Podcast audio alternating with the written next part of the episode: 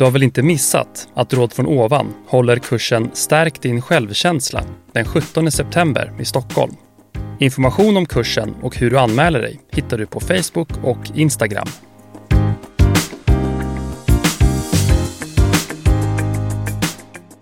Välkommen till Råd från ovan med den andliga livscoachen Susanne Ivarsson. och den mediala journalisten Jacqueline Fallander. Och det här är en podcast om andlighet och relationer. Vi tar upp allt från medialitet och hur man höjer sin vibration till hur man bäst hanterar svärmor och andra utmaningar i livet. Och eh, en ny tradition här i vår poddvärld är att en gång i månaden så svarar vi på en lyssnarfråga. Och vi har ju fått in flera stycken och en av dem tänkte jag att vi skulle prata Mm. om idag. Och det här är ett ämne som vi faktiskt inte har pratat om överhuvudtaget innan och det handlar om spöken. Okej. Och eh, lyssnarfrågan lyder så här. Varför är människor så ofta rädda för spöken? Mm. Vad lägger man i begreppet spöke, tänker jag ja, först. Det är en bra början. Ja. Jag tänker ju att, alltså spontant så tänker jag att, att det är, spöke är ju egentligen ett annat ord för någonting som kanske är utomjordiskt. Alltså, och då menar jag att du inte har en fysisk kropp, utan att det mer är ett energiväsen. Eh, jag tänker att människor kan uppfatta Eh, det här energivarelsen på lite olika sätt. Eh, jag skulle säga att jag tror att många är rädda för spöken för att det just inte har fysisk kropp. Man är liksom inte riktigt vet hur man ska förhålla sig till det. Det kan också vara så att det kan vara negativt laddat när vi säger spöke. Alltså för i min värld så tänker jag ju mer att ett energi, en energikropp som inte har en fysisk kropp kan ju på olika sätt kommunicera med oss. Eh, det kan ju också vara så att den är negativt laddad och den kan vara positivt laddad, vilket gör att det är mer eller mindre bekvämt att kommunicera med den här energin. Jag tänker människor som kanske har sett olika program som det finns väl någonting som heter det okända kanske och lite sådana saker. Att det ofta handlar om negativt laddad energi som ställer till lite problem. Mm. Det är, Och- väl, det, är ja. väl det första man tänker Ja, på. När man, Att det liksom stökar lite grann Mm. i, i våra hus eller mm. att det beter sig och skapar en, en, en obehaglig stämning på något sätt. Att det, att det skapar kaos eller gör ljud eller håller på. Ehm, men att det är en, liksom en form utav utomjordisk aktivitet. Mm. Och jag tänker om vi, om vi pratar eh, andeväsen, om vi ska kalla dem så, mm. som finns i till exempel gamla hus. Hur vet man, alltså jag tänker de som har positiv energi, de kanske man inte ens märker så mycket av, om de, eller? Och man kan ju märka dem, man kan ju till och med samarbeta med dem. Jag vet att det är många som lever med andar som är jordbundna, som har stannat kvar i hus, som är goda. Liksom. Mm. Och som Men vad är det slamrar som- ibland. Vad Mm. är det som gör då att de inte går över till, alltså på något sätt när du lämnar din fysiska Mm. kropp är ju meningen att du ska gå, gå i, över till ett Mm. annat, Mm. en annan dimension. Och då har de fastnat. Liksom. Ja, de har ju liksom Mm. valt att stanna kvar här. Mm. Och vad kan vara orsaken? Ja, det kan ju vara orsaken att de inte liksom riktigt eh, är liksom lite för rädda eller lite för jordbundna för att faktiskt släppa taget om jorden. Istället för att då tänka att jag kan inte vara här. Varför ska jag stanna kvar här när jag inte har en fysisk kropp? För det blir ju inte ett så härligt liv att liksom leva utan fysisk kropp i den här dimensionen. Att de har kanske inte fått riktigt hjälpen att komma, komma loss ifrån det tillståndet heller. Sen är det ju så här att vi får ju hålla isär lite. Det finns ju lite olika saker och lite olika aktivitet. Ibland kan det ju vara så att vi, om vi är duktiga på att läsa energi och vi kan känna in gamla avtryck, så kan det ju vara så att man kan känna av avtryck och läsa energi på det som har funnits där innan, men det, kan, det behöver inte finnas kvar nu. Alltså, det, vi, det är lite olika saker det här. Alltså, om man är duktig till exempel så kan, alltså på att läsa energi eller inkännande, då kan det ju vara så att man kliver in i ett gammalt hus och känner vad som har pågått där innan. Det kan vara flera hundra år sedan, men det behöver inte vara så att det är någon aktivitet där just nu. Så det här är olika saker. Är det så att det är någon som är där just nu, då kan det ju vara så att den har liksom fastnat där och inte riktigt fått hjälpen att komma vidare och kanske inte vill det heller. Så eh, då får man ju, det är därför som många gånger, om man då tänker utifrån de här programmen som jag, som jag pratade om innan, att det finns de som jobbar som medium som åker ut till de här platserna för att på något sätt hjälpa till att mm. slussa över de där uh, som har fastnat här till en annan dimension, där det är egentligen skönare för den själen att vara just nu.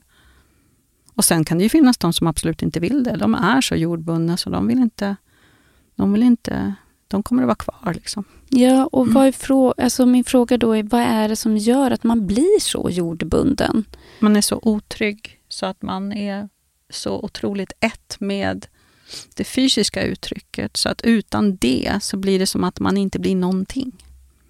Så man är så bunden till det här huset eller den här ladan eller det här köket eller de här sakerna. Så att man är så rädd så att man kan liksom inte riktigt släppa taget om det, utan man är kvar i det bara. Eh, och, och, med ljus så kan man i min värld lösa allt. Eh, och det är därför som man tänker de här kanalerna när man åker ut och gör ett sånt jobb, att man, att man då hjälper de här själarna som är så rädda till att liksom känna tryggheten och ljuset för att kunna släppa taget om det och lämna den här dimensionen. Men då är det ju så att, ja, men det kan ju vara så att på vissa platser vet man inte ens om att det finns för att man är inte är tillräckligt känslig för det. Eller man vet om att, man, att det finns men man gör ingenting åt det. så att säga. Så att det, det behöver komma ut en person som på något sätt kan dela med det här ju, om det ska kunna bli en förändring. Mm. Det, jag är lite fascinerad över vad de faktiskt kan, kan göra fast mm. de inte har någon fysisk mm. kropp. Jag sov för ett gäng år sedan över på ett slott och minns att jag innan jag somnade så la jag telefonen på nattduksbordet när jag vaknade nästa morgon var den borta. Mm. Eh, och den låg på toalettlocket. Mm.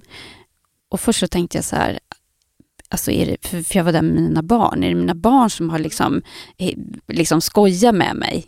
För vi pratade om spöken kvällen och de bara, nej, vi har inte gjort någonting. Och, eh, och då kan jag bli så men, men kan en energi utan en kropp förflytta en telefon? Mm. Eller har ju gått i sömnen? Liksom. Nej, men alltså de kan flytta på saker. Mm. Alltså man kan, de kan materialisera sig så att de kan flytta på saker. Och då skulle jag säga att det är skillnad då om man kanske har en, eh, en mer jordbunden energi än om man har en mindre jordbunden energi. Jag tänker ju att andevärlden försöker kommunicera med oss på olika sätt. Ju. Eh, de kan använda andra kanaler än att flytta på saker. De kan ju försöka du vet, göra dig påmind om en speciellt musikstycke som du hör när, varenda gång du sätter på radion. Eller de kan liksom mm, göra dig påmind om genom att liksom släcka och tända lampan i köket. Eller att de kan kommunicera via sådana saker.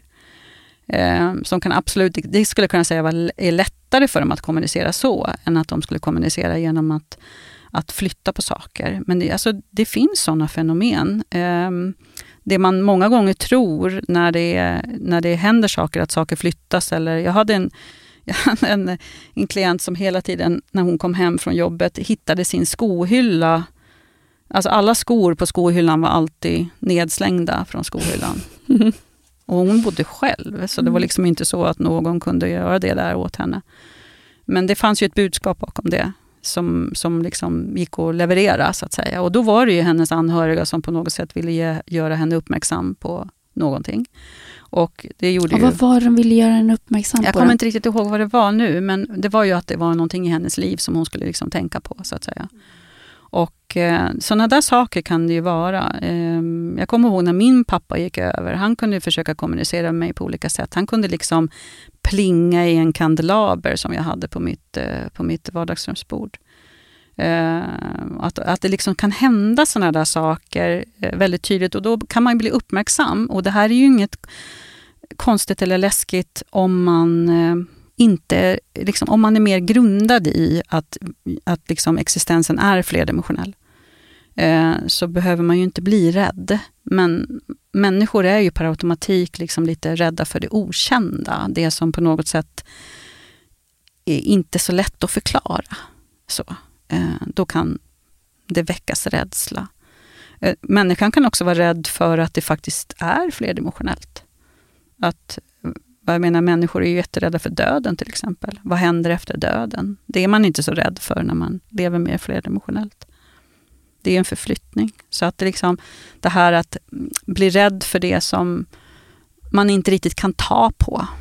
Alltså kommer en människa, fast den är människan är flerdimensionell då, utifrån vårt synsätt, så blir du ju oftast inte rädd för den människan. Men skulle den, samma energikropp komma gående utan fysisk kropp, mm. då skulle jättemånga människor reagera och tycka det var superläskigt. Ja. För det ligger liksom utanför våra sinnen lite. Vi kan inte ta på den där liksom riktigt och vi kanske har svårt att kommunicera med den också. Mm. Uh, vilket gör att det direkt blir liksom en, liten, uh, en liten känsla av att det här var skumt. Fast det är ju inte det. Så ja, säger jag. Jag tänker så här, andevärlden de kommunicerar ju ofta med oss och finns, alltså de finns ju runt omkring oss mm. hela tiden. Mm. Eh, och det finns guider och det finns liksom avlidna anhöriga. Så om man vill liksom se tecknen eller budskapen som de skickar, finns det något man ska vara uppmärksam på? Mm. Alltså, jag, jag tänker ju att ja, man behöver ju vara i i stillhet först för att du ska kunna mm, kanske gå och göra en överföring. Jag kan lämna de exemplen som jag tycker är lättast att fokusera på.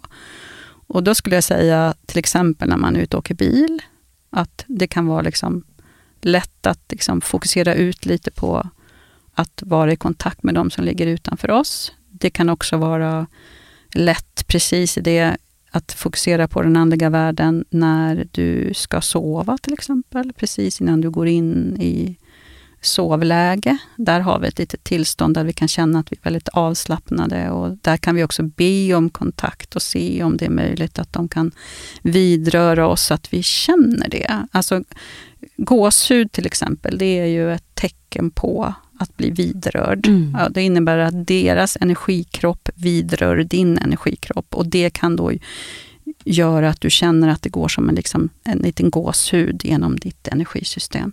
Så det finns lite sådana där saker. Sen tycker jag alltid att man ska be om kontakten. Man kan be om närvaro, man kan be om eh, liksom, tecken, man kan, bara för att man vill så gärna vara i kontakt. Eh, man kan, om man vill eh, träna på automatskrift till exempel, få ner information.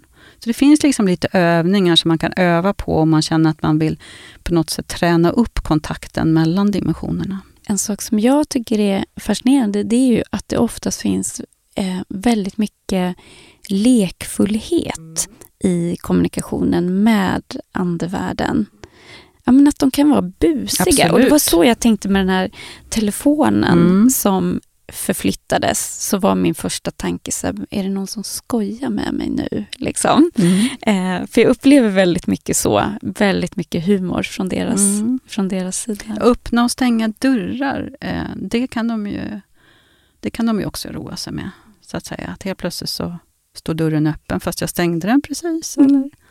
Jag har också sånt där otroligt häftigt, personligt, eh, en personligt upplevd sak. Och det var ju min, min pappa lämnade jorden när jag var 30 år, så han har ju varit borta ganska länge. Men när vi sitter, och jag är uppväxt på en stor gård, och i den stora gården så har vi en, hade vi ett fantastiskt stort rum som kallades för salen.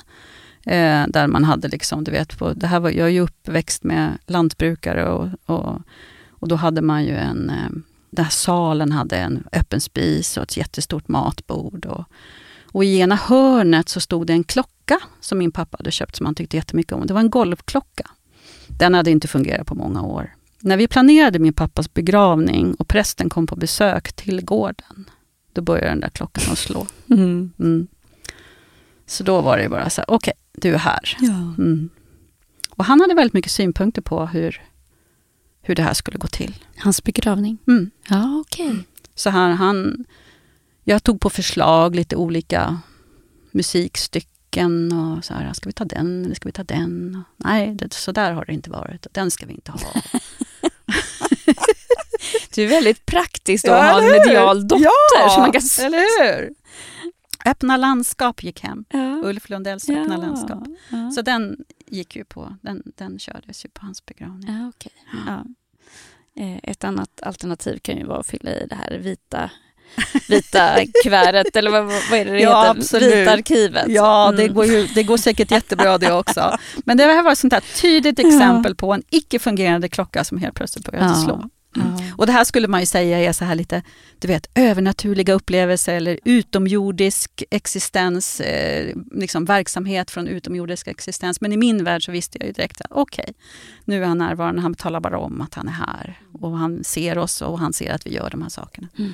Och så blir det ju när man lever i den här multidimensionella världen, inget av det här blir konstigt. Mm. Utan man är medveten om att vi, vi lever ju sida vid sida med energier som inte har en fysisk Absolut. kropp. Liksom. och det här är ju för över 30 år sedan. Så att för min del så var ju det, hans, när han lämnade jorden så var ju det chockartat för mig, för det var helt oannonserat. Han fick ju en hjärtinfarkt.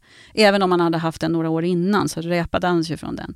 Men, men för mig var det helt oannonserat. Men samtidigt, jag var ju på en plats då för över 30 år sedan där jag levde i den här multi... Liksom jag lever i den här flerdimensionella världen och har haft den här övertygelsen och känt det här sedan jag var barn. Så hade jag ändå problem med... Alltså han, jag vet, jag har sett hans kropp. Kroppen är död, jag vet hans existens, men jag var så otroligt skärrad över att han helt plötsligt skulle stå på mitt vardagsrumsgolv och stå framför mig. Mm. Så här, gör inte det mot mig, stå inte här framför mig nu när jag vet att din kropp ligger på sjukhuset och så. Så att vi, vi hade en kommunikation. Liksom. Mm. Sen har ju det jag pratar ju med honom nästan varenda dag, så mm. det är liksom inte någon... Vi, vi är, är för varandra mm. jättemycket. Så. Mm. mm. så det var härligt att han är där han är och jag vet att han har det bra där han är nu. Mm. Jag tycker vi avrundar med det. Ja. Och är det så att du har en lyssnarfråga som du vill att vi svarar på eller diskuterar kring. Så hör av dig. Vi finns ju på Facebook och vi finns på Instagram och snart kommer det upp en webbsida där man också kan ta direktkontakt med oss. Tack för idag. Tack för idag.